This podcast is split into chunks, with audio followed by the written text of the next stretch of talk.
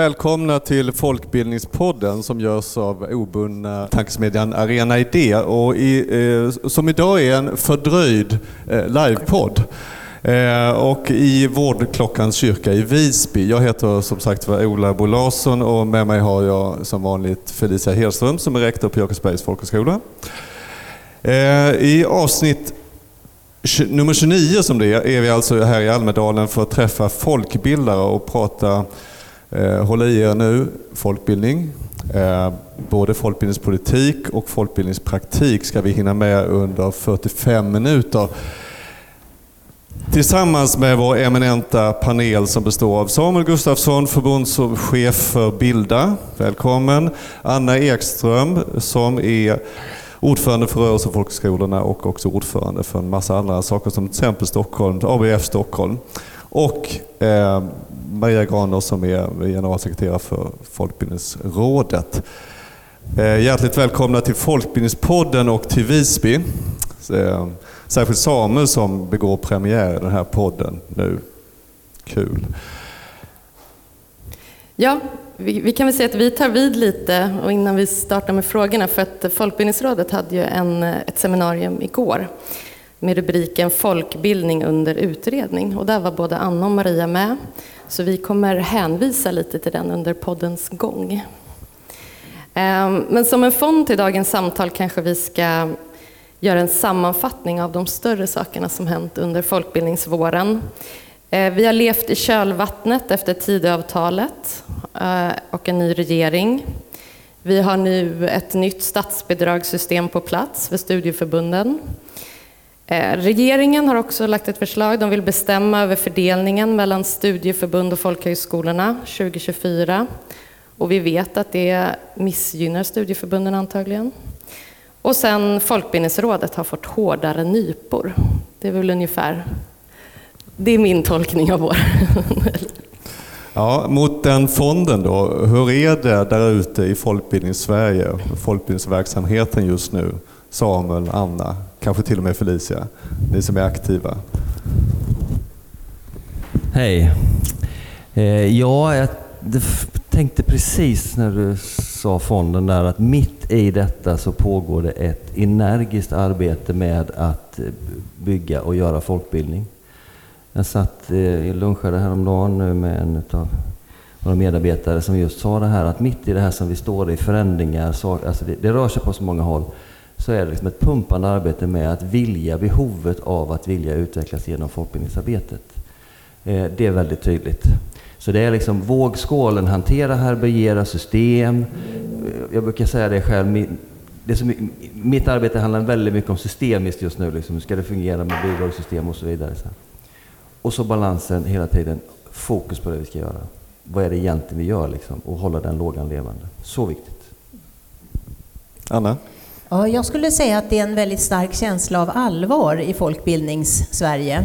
Det är dels det vanliga allvaret. Vi har ju fått förtroendet att arbeta med väldigt viktiga uppgifter. Eh, när jag tittar på de som kom, flydde hit ifrån Ukraina, de flesta kom för ett drygt år sedan, ja, så har ju väldigt, väldigt många av dem fått sitt första möte med det svenska samhället via studieförbund genom eh, Svenska från dag ett.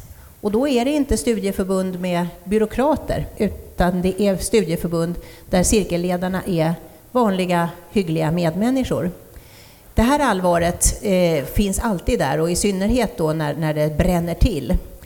Men det är också en känsla av allvar eftersom vi har fått väldigt eh, försämrade ekonomiska förutsättningar i framförallt folkhögskolorna. Så runt om i Sveriges folkhögskolor så sker det massor med neddragningar just nu. Man stänger kurser. Och de kurser som stängs är i stor utsträckning sådana kurser som handlar om internationell solidaritet eftersom SIDA-pengarna har minskat så drastiskt. Men det är också alla sorters kurser eftersom själva bidraget har minskat. Sen är det en känsla av allvar eftersom eh, vi alla vet och lever i skuggan av att det har varit eh, väldigt mycket uppmärksamhet kring fusk och felaktigheter. Och vi är smärtsamt medvetna om att vi som har förtroendet att arbeta med folkhögskolor och studieförbund, vi har ett mycket stort ansvar. Folkbildningen ska vara fri och frivillig, men det betyder ju inte att det ska vara ett bekvämt läge, utan det är ett stort mått av ansvar som behövs. Och det måttet är större än vanligt nu när så många eh, riktar blickarna mot oss. Så vi måste bli bättre på att se till att varenda öre går dit de bäst behövs, eh, nämligen till våra deltagare. Just det. Eh, sen har också det här kommit samtidigt som en inflation och ökade yttre kostnader och så, så också. Sen kan Felicia, du är rektor på Jakobsbergs folkhögskola. Eh. Ja, vi pratar mycket pengar när vi träffas. Det, det har varit mycket uppsägningar och så, så det, det är klart, det, det pratar vi mycket. Och sen så är det, vi pratar jättemycket inom och mellan folkhögskolor om hur det blir nu efter de förslag som har lagts och försöker spekulera. Så det, det är mycket, mycket samtal kring det. Mm. Vi går vidare tänker jag. Eh, nytt statsbidragssystem för studieförbunden pratade du om Felicia som en sammanfattning här och då tänker jag samma eh, fråga till både Samuel och Anna här egentligen. Eh, hur går det här förberedelserna med, mot, mot det här nya studiebidragssystemet? Bilda eller ABF? Ja, men om jag börjar den här gången så får du börja. Vi, vi kör växelsång du och jag. Eh, nej, men det, det här nya statsbidragssystemet kommer att ställa krav på medarbetarna i studieförbunden, det är det ingen tvekan om. Och det finns säkert en och annan som tycker att det är för, för, för, för petigt och så. Men jag påminner då om hur viktigt det är att vi med trygghet och säkerhet kan titta skattebetalarna i ögonen och säga era pengar går till riktigt bra insatser. Så jag ser väldigt positivt på det här nya statsbidraget. Lite knöligare kommer det säkert att bli, men jag tror samtidigt också att det kommer att bli mer meningsfullt. För Folkbildningsrådet tycker jag har lyckats hitta ett sätt att mer gå på det som är väsentligt och riskfyllt jämfört med de gamla redovisningarna. Och sen slipper vi en, en alltför stort fokus på det som i polisen kallas pinnjakt. Vi behöver inte tänka riktigt lika mycket på volym som vi har gjort hittills. Så på det hela taget är jag väldigt positiv och väldigt hoppfull inför det nya statsbidragssystemet. Mm. Delar du den bilden Samuel? Ja, men det gör jag. I, i grunden är jag positiv till, till, till, eller jag är positiv till det nya systemet. Men sen är det ju mycket hur-frågor, det är klart det är. Det är jättemycket hur-frågor nu. Hur ska det fungera? På det? Hur ska vi hantera och hur ska vi, hur ska vi skriva ett kvalitetsverksamhetsåtagande som sen ska följas upp och så vidare. Men jag tror och vill tro att det här kommer gagna folkbildningen framåt och att verksamheten får fokus på just vårt åtagande. Eh, men det är självklart så, det är ett helt nytt system så det kommer vi, ja, vi kommer få jobba med det, så är det. Och, och vi börjar ju givetvis att göra det på de nivåer som vi har. Vad är det som händer nu rent konkret?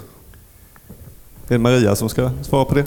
Ja, men vi, vi jobbar ju också naturligtvis otroligt mycket med de här hur-frågorna. Allt är inte färdigt än, utan vi förbereder oss också för att kunna gå in i det här.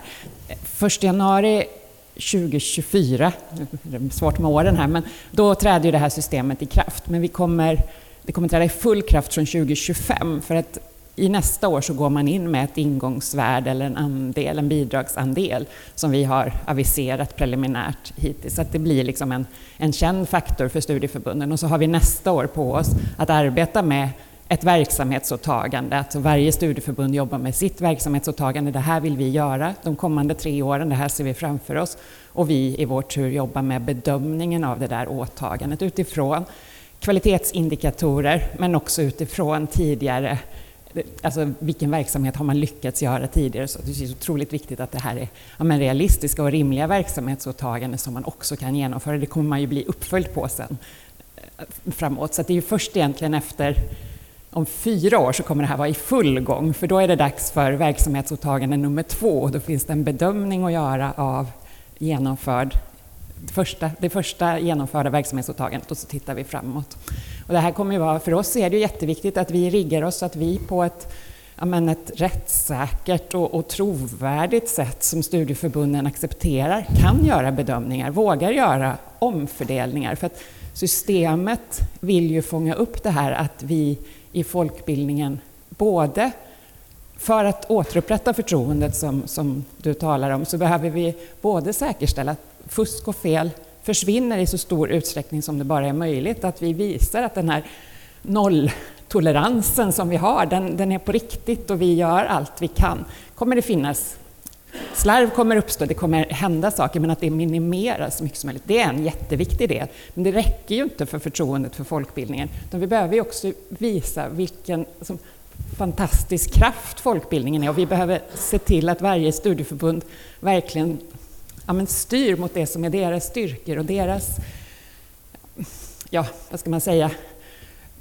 unika liksom, förmåga att göra skillnad i samhället. För det är där relevansen ligger. Det är där, det är där liksom som man vinner det stora förtroendet, har vunnit det stora förtroendet under en lång tid. Så det är ju det, är det som vi vill åt och det är det som kräver ganska mycket av oss också, att verkligen våga eh, göra det. Vi har inte gjort den typen av bedömningar under Folkbildningsrådets tidigare 30 år. Så att, eh, det är ett stort, stort steg både för studieförbunden och för oss.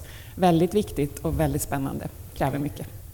Jag tänker att det har ju flaggats också för en översyn av folkhögskolornas bidragssystem. Har du, vad, vad det, finns det någonting där som du tänker man mm. behöver kolla över eller som du redan nu tänker? Men när vi gick in i, i översynen av Studieförbundets bidragssystem så pratade vi om en översyn och nu när vi har fattat beslutet så pratar vi om en reform. Det är ett mycket stort steg, det är mycket mindre, mer än bara ett par justeringar. Med folkhögskolorna så vet vi att det är ett antal saker, till exempel förstärkningsbidraget som vi behöver se över. Det har inte funkat bra, vi lyckades inte hitta någon jättebra ordning för det i, i den förra översynen. Så det är en av flera saker som vi behöver titta på.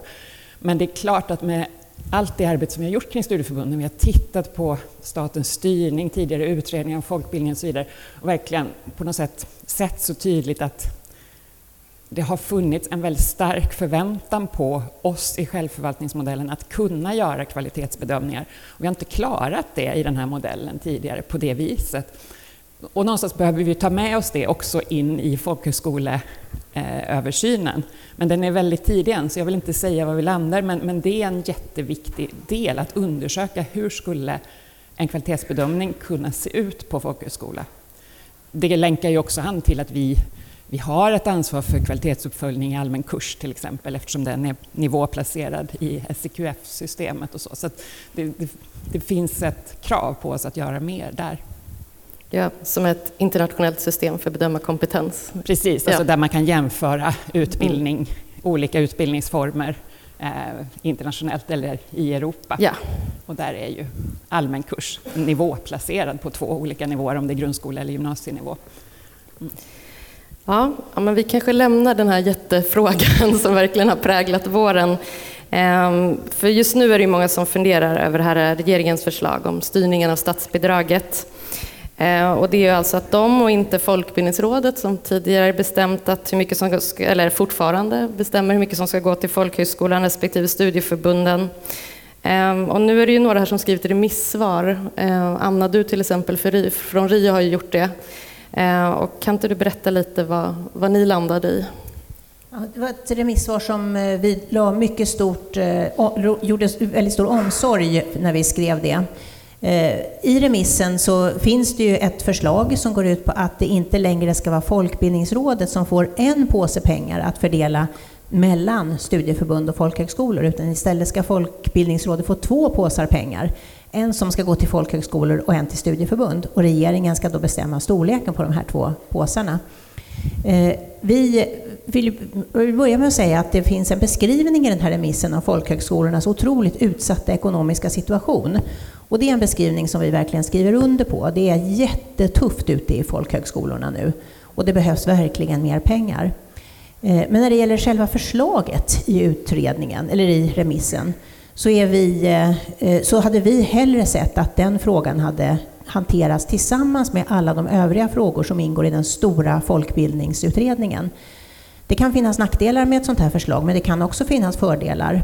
Och det är klart att allt det bör vägas ihop tydligare i folkbildningsutredningen.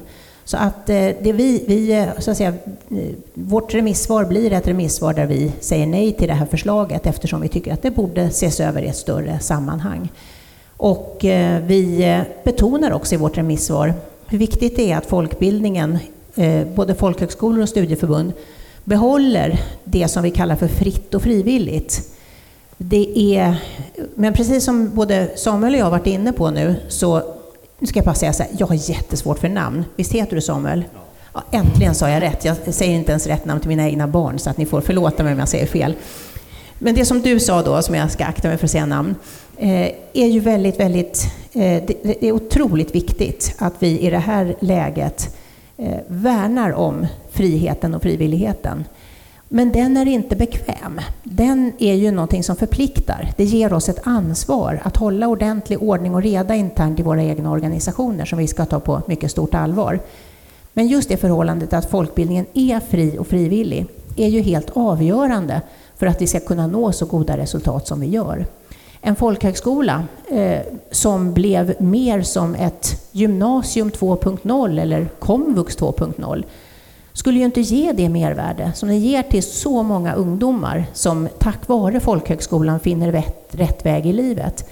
Så friheten och frivilligheten ska vi värna mycket, mycket hårt. Och, den spelar, och där spelar också medelstilldelningen väldigt stor roll.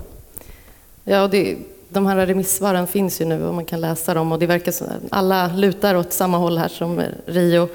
Ehm, alltså om det här går igenom då, då verkar det bli en bidragsminskning eventuellt då för studieförbunden. Samuel, hur har ni förberett er? För det gissar jag att ni har. Ja, det gör vi ju nu, det är klart. Och jag vill också bara, jag ska inte, jag bara, kort på frågan innan så har Bilda har skrivit under på studieförbunden i samverkans yeah. remissvar så, att, så, så, har vi svarat och det är ju tydligt att nej till förslaget, så är det. Eh, från studieförbunden i samverkan och där står vi enade som studieförbund. Men också med att, att eh, åtminstone ta med det in i folkbildningsutredningen. Alltså man måste titta på det seriöst. Liksom. Det är stora konsekvenser om det, om det blir det här. Eh, det är jag helt säker på.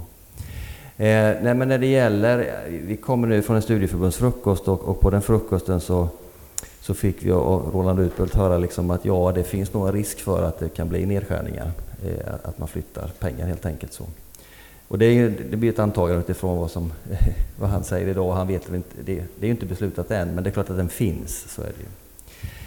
Och vi tittar ju på det. Vi, i, I vårt fall på Bildarfall så handlar det om att se över verksamhet, se över strukturer, se över arbetssätt, finansiering och organisation. Sen blir det ju ett, ett laborerande med scenarier just nu. Hur mycket pengar kommer det att handla om? Eh, blir det si så många procent? Ja, vad innebär det? Och så vidare. Så det blir ett mycket antagande arbete utifrån en förväntad nedskärning. Sen är det ju precis som du sa också innan här att vi har en inflationsläge som i sig innan har ju varit jättetufft för alla. Det är ju för oss alla så. Så att det kommer bli, bli förändrade förutsättningar, så är det ju. Och hur gör man? Ja, man jobbar med scenarieläggning och, och så vidare. Ja, från den ena till den andra. Nu kommer en annan fråga här. Ehm, nu verkar det eh, som att det också kommer eh, ett tilläggsdirektiv till folkbildningsutredningen. Och då är jag jättenyfiken på att höra er spekulera lite grann här om, om detta. Vad kan det innebära? Spekulationspodden. Jag, jag, kan väl börja då eftersom eh, eh, det är väl ingen här i lokalen utom jag som minns det, men det var faktiskt jag som skrev det första direktivet en gång i tiden i mitt förra liv. Och eh, då var jag ju faktiskt väldigt noga med att utredningen skulle få väldigt, väldigt vida ramar. Det har varit en tendens under senare år att vi gör väldigt smala utredningar som får ett tydligt besked. Men Christer Nylander fick väldigt vida ramar och väldigt stora frihetsgrader att lämna de förslag han tyckte var lämpliga. Och, eh, så jag tycker att det är viktigt att den friheten behålls, att man inte knyter upp utredningen allt för mycket. Men eh, vad den innehåller, det har jag ingen aning om. Och det är faktiskt sant. Jag eh, kanske inte vill spekulera, men jag kan ju hoppas hoppas. Eh, och då hoppas jag att den innehåller en förlängning av utredningen, även om det inte tillkommer några nya delar. Ehm, för jag, vi tror ju mycket på den här utredningen, tror att det är viktigt att titta på folkbildningen i ett helhetsperspektiv, titta på syftena, målet med folkbildningspolitiken och styrningen. Och det är rimligt att göra det i det här läget när också modellen har varit, och vi har varit ifrågasatta. Ehm, och på något sätt så, så, så, vill vi ju se att man riggar för det, men det har varit svårt för utredningen att komma igång. Dels därför att det har ju spekulerats om tilläggsdirektiv länge. Nu tror vi att de kommer här under sommaren. Eh, men också för att man har inte fått bemanning och det har varit ja, men, inte ett fullbemannat sekretariat ännu. Eh, expertgruppen där jag ingår kom till i mars, fast utredningen tillsattes i juni förra året. Och det har ju naturligtvis med en ny regering och sådär att göra, så det, det, är förståeligt. Men det påverkar ju såklart förutsättningarna att ta sig an de här väldigt vida direktiven och göra dem rättvisa fullt ut. Jag har väldigt gott förtroende för för Christer och, och han deltog i vårt seminarium igår och sa att ja, men det, han ligger långt fram i tankearbetet och så. Men eh, det behövs en dialog, tror jag, med alla möjliga intressenter utifrån konkreta förslag också för att det verkligen ska bli bra och bli ordentliga konsekvensanalyser. Jag oroar mig jättemycket för det. Så att jag börjar vad jag hoppas på, och det är förlängning, och, och jag oroar mig för att man inte ska ha förutsättningar att gå fullt ut i mål. Mm. Ska jag fortsätta spekulationen? ja, det är ju jättesvårt att veta, så är det ju. Och det är också svårt att veta med tanke på det förslaget som kommer nu med styrningen. Alltså vad, vad innebär det här? Ska man sätta fokus på något extra? En spekulation har varit, ska man spetsa myndighetsfrågan ännu mer? Eh, ska man spetsa frågan om självförvaltning? Men vi vet ju inte. Eh. Ja, men det kom det två alternativ. Tack för det. Eh, demokrati var ju också något som i ditt förra liv, Anna, eh, som ni eh, tittade på lite grann eh, utifrån hela civilsamhället. Det kanske, kanske, kan det vara någonting som kan komma Ja, eh, väl, om vi är en kyrka nu, eller en kyrklig lokal, så får man väl tänka i termerna tro, hopp och kärlek. Och eh, om man får tro något så tror jag som Samuel då att eh, det kan mycket väl bli liksom, förslag som vetter åt ökad statlig styrning. Om man får hoppas så är det väl att det inte ska komma förslag som vetter mot ökad statlig styrning. Men en annan sak jag hoppas på är att eh, utredningen, antingen via tilläggsdirektiv eller av egen kraft, kan eh, se till att målen för folkbildningen Eh, kan ta mer hänsyn till det som är den brinnande framtidsfrågan för oss, nämligen klimatomställning och hållbar utveckling. Eh, men kärleken då? Nej, men jag hoppas ju faktiskt att eh, det, det hundraåriga omsorg som har funnits i Sveriges riksdag kring folkbildningen ska kunna gå segrande ur den här väldigt besvärliga förtroendekrisen som vi har varit inne i ganska länge nu. Jag hoppas verkligen det, för att eh, folkbildningen behöver omsorg och kärlek från riksdagen och förtroende från riksdagen. Men vi måste också, som jag sagt flera gånger, arbeta hårt för att motsvara det för förtroendet. Mm. Kärlek alltså. Eh,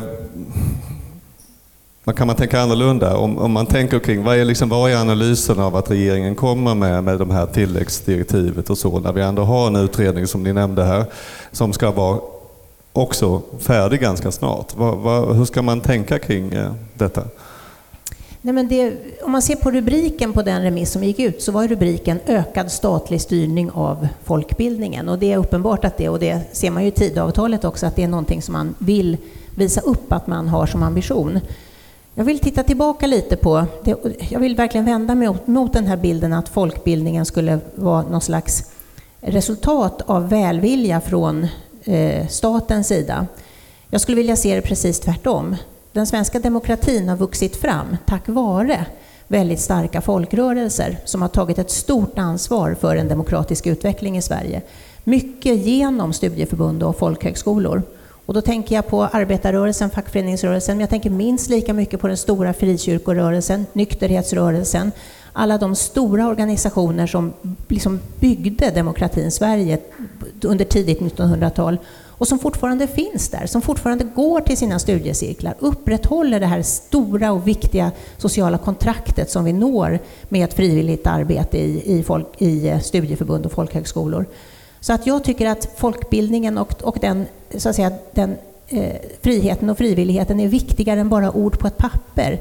Den är viktig för Sveriges demokratiska utveckling. Allt kan inte vara staten.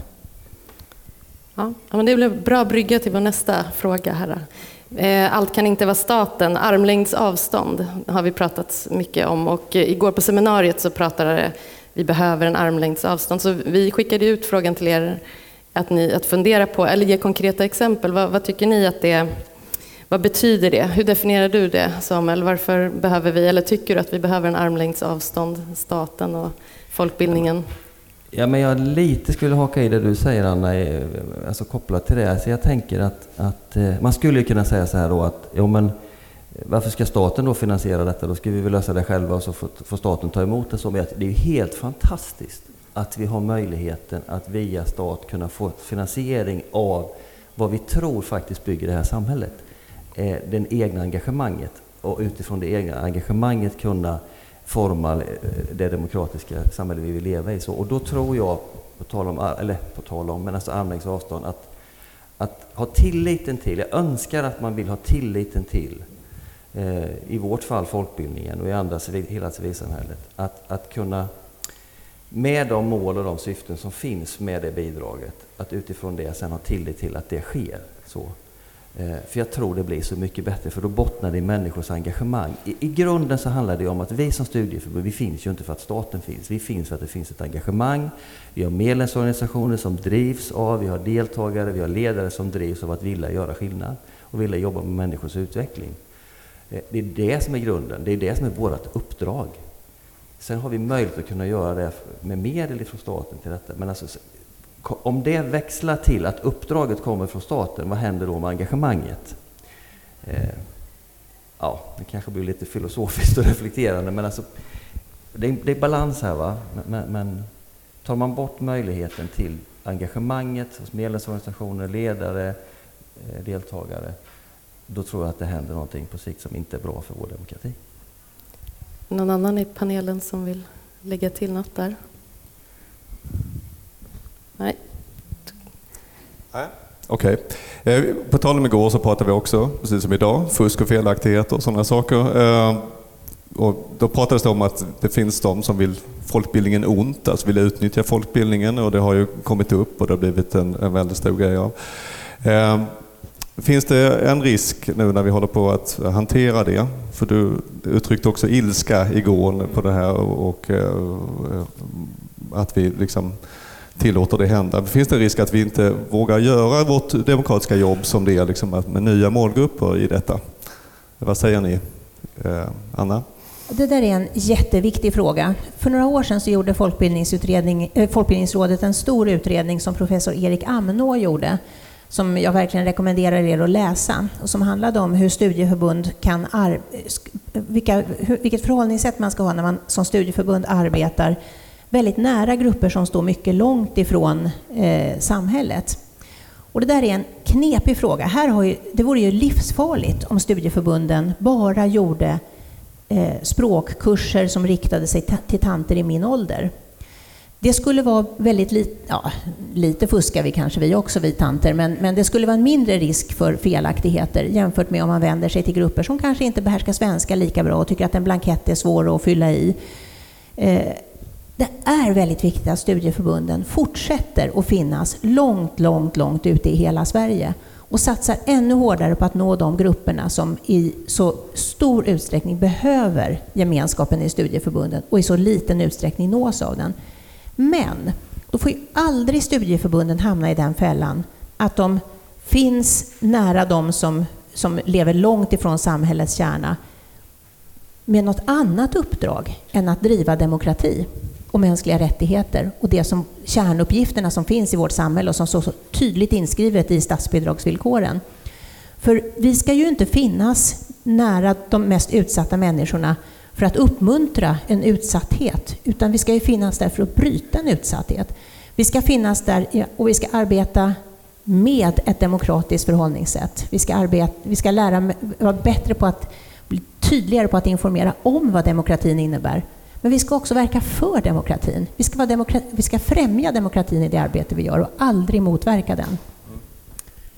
Vi har ju ehm, ett antal år i rad fått lämna en fördjupad rapport om just demokratisyftet och vår bedömning av hur man lever upp till det i studieförbund och folkhögskolor. Och senast nu så baserar vi den på fokusgrupper med ledare, lärare och anställda i studieförbund och folkhögskolor. Och tyvärr så hör vi ju precis det här som ni pekar på, att ja, men det finns en tveksamhet nu för tiden. Är det värt det? Ska vi våga göra det här?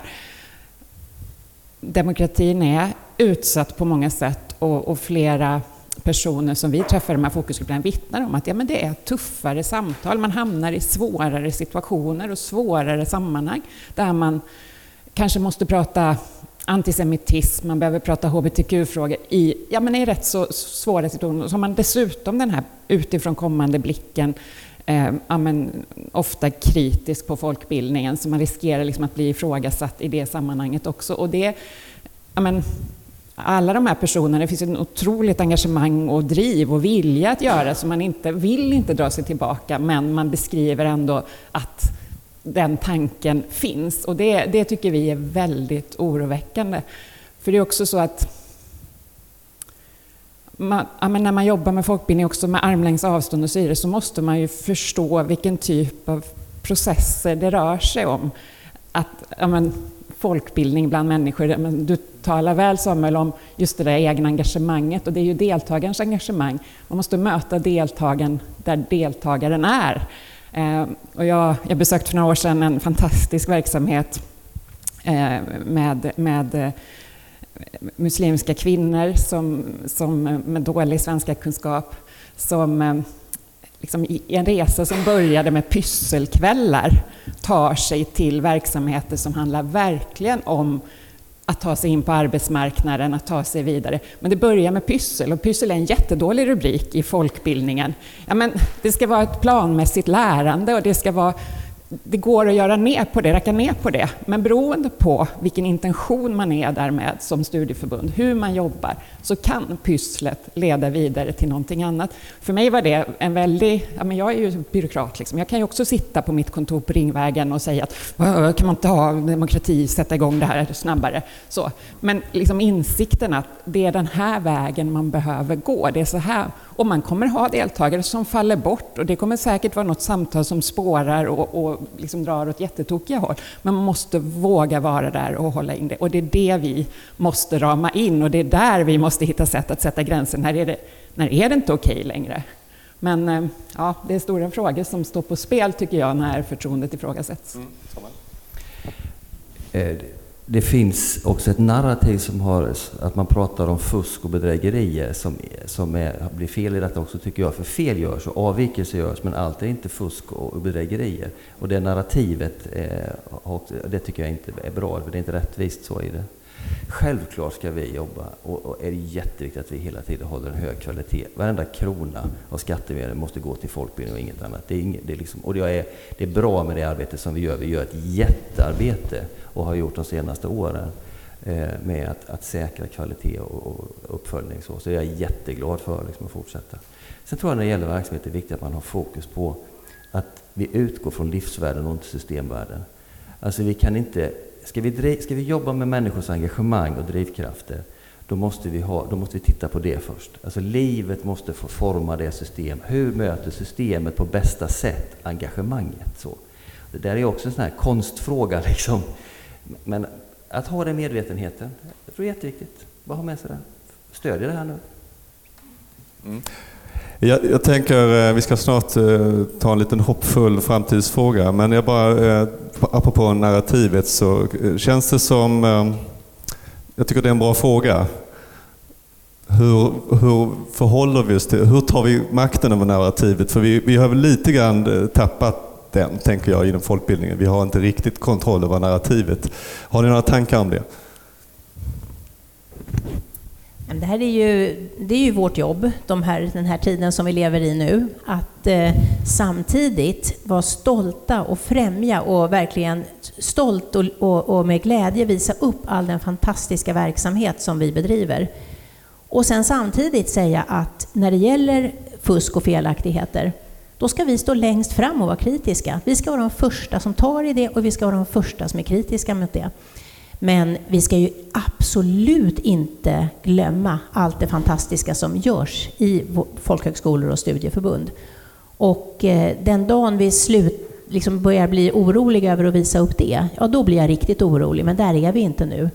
Eh, Ta bara de flyktingar som kom hit från Ukraina. ABF Stockholm, där jag är ordförande, vi har räknat ut att var tionde flykting som kom till Stockholm har faktiskt varit i ABF, eh, inte ABF-huset, men varit i någon av ABF Stockholms verksamheter. Det är en helt fantastisk siffra med tanke på vilken, eh, eh, att, att staten, som ju vill ta så mycket mer kontroll, har tagit så lång tid på sig att se till att det blir SFI-undervisning och ännu inte riktigt klarat av det. Så att vi ska vara väldigt stolta över det vi gör, men vi ska stå längst fram i att, i, i, att både visa och på riktigt agera mot fusk och felaktigheter. Okej, okay, vi eh, kanske kan avsluta med någonting positivt om framtiden. Vad säger ni? Har ni någonting och vad tänker ni om folkbildningen framåt? Vad är er önske? Jag tror du pratade om hopp. Ja, du har redan nämnt det, men jag tänker Samuel och Maria, ni kanske, vad har ni för hoppfulla tankar om framtiden för folkbildningen? Det är nu vi skulle kunna börja seminariet. eh, nej men jag, eh, jag är själv en del av detta ska jag säga. Jag började en gång i tiden med att, att möta folkbildning för att man såg mig. Och eh, jag önskar att vi fortsätter se människor.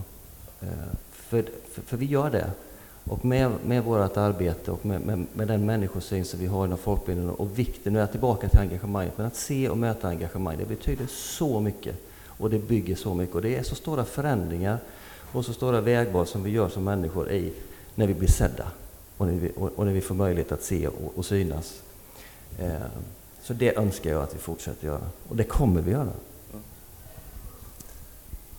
Men det är klart att jag också hoppas att den, den förtroendekris och den, de utmaningar vi står i nu leder till någonting positivt. Alltså jag ser ju enormt mycket positiv utveckling i spåren av, av, av diskussionen. Det, det, är sunt med en diskussion om folkbildning. Under en lång tid kanske vi hade lite för lite som offentlig diskussion om folkbildningen. Och, och vi som fanns i folkbildningen kunde också vila jättemycket på vår superstolta historia och ha fokus där, för vi behövde inte kanske berätta så mycket om allt det fantastiska som skedde.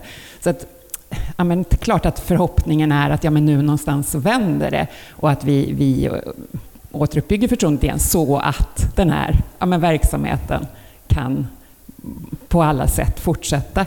Eh, ja, men det, det, måste vi ju tro, tro och hoppas på, men det är ganska tuffa tider och, och hur stora omvälvningar och så och, och, vad, en del i det är jättepositivt, leder bara till bättre saker, men annat kanske Eh, men det, det, finns ju också jättestora risker. Måste man, måste man förlora folkbildningen lite grann för att, och sakna den, så att säga? Ibland är det ju ett sånt osynligt arbete. Inte förrän man tar bort ett studieförbund på en ort så ser man wow, vad mycket de bar, liksom, vad mycket som hängde ihop med, med just den här verksamheten. Och dit vill vi ju inte komma. Så att, eh, ja, det är intressanta tider. Ja, och vi lever i en tid när vi behöver folkbildning mer än någonsin. I en tid av auktoritära tendenser och i en tid av, eh, där vi ser vilka illdåd man kan begå med, med lång utbildning. Utbildning är helt nödvändigt, men utbildning utan bildning kan vara väldigt farligt. Och det är med bildning som man också kan se till att människor är motstånd, bildar motståndskrafter mot det som är fel i samhället. Så vi behöver mer bildning och vi behöver det hela tiden. Och det ger mig hopp att fortsätta arbeta för att se till att vi kan fortsätta ha en livskraftig folkbildning i hela landet. Tack så mycket. Vår tid börjar gå ut här och jag tänkte Felicia, har du något sista att säga eller ska vi eh, tacka? Ja, men vi är ju en eh, podd som eh, informerar och då tänkte jag, nu är det ju sommar och vi kommer inte komma ut så mycket under sommaren. Så Maria, ni har ju kommit ut med massa rapporter under året och då så ligger man ju hängmatta nu och vill såklart läsa en. Kan du skicka med en, vilken, om man orkar läsa en, vilken ska man läsa? Ja, men då tycker jag förstås att man ska läsa den som jag just nämnde, den här demokratirapporten som vi lämnade tillsammans med vår samlade bedömning i mars. Den publiceras på vår hemsida någon gång i slutet på april tror jag. Eh, ja, men för den är ju, det är vittnesmål direkt från, från folkbildare och det är väldigt intressant att läsa, så den rekommenderar jag varmt. Ja, då vet vi. Ja, då så. Tack eh, Anna, Samuel och Maria. Ni, eh, vi har eh, så lätt packning så ni har inga, vi har inga presenter till er, men ni får gå in på Atlas förlag och önska er en bok på under Arena-gruppen så skickar vi den till er i sommar. Eh, tack för ni som har lyssnat, varit här och eh, lyssnat på podden. På återhörande. Trevlig sommar allihopa.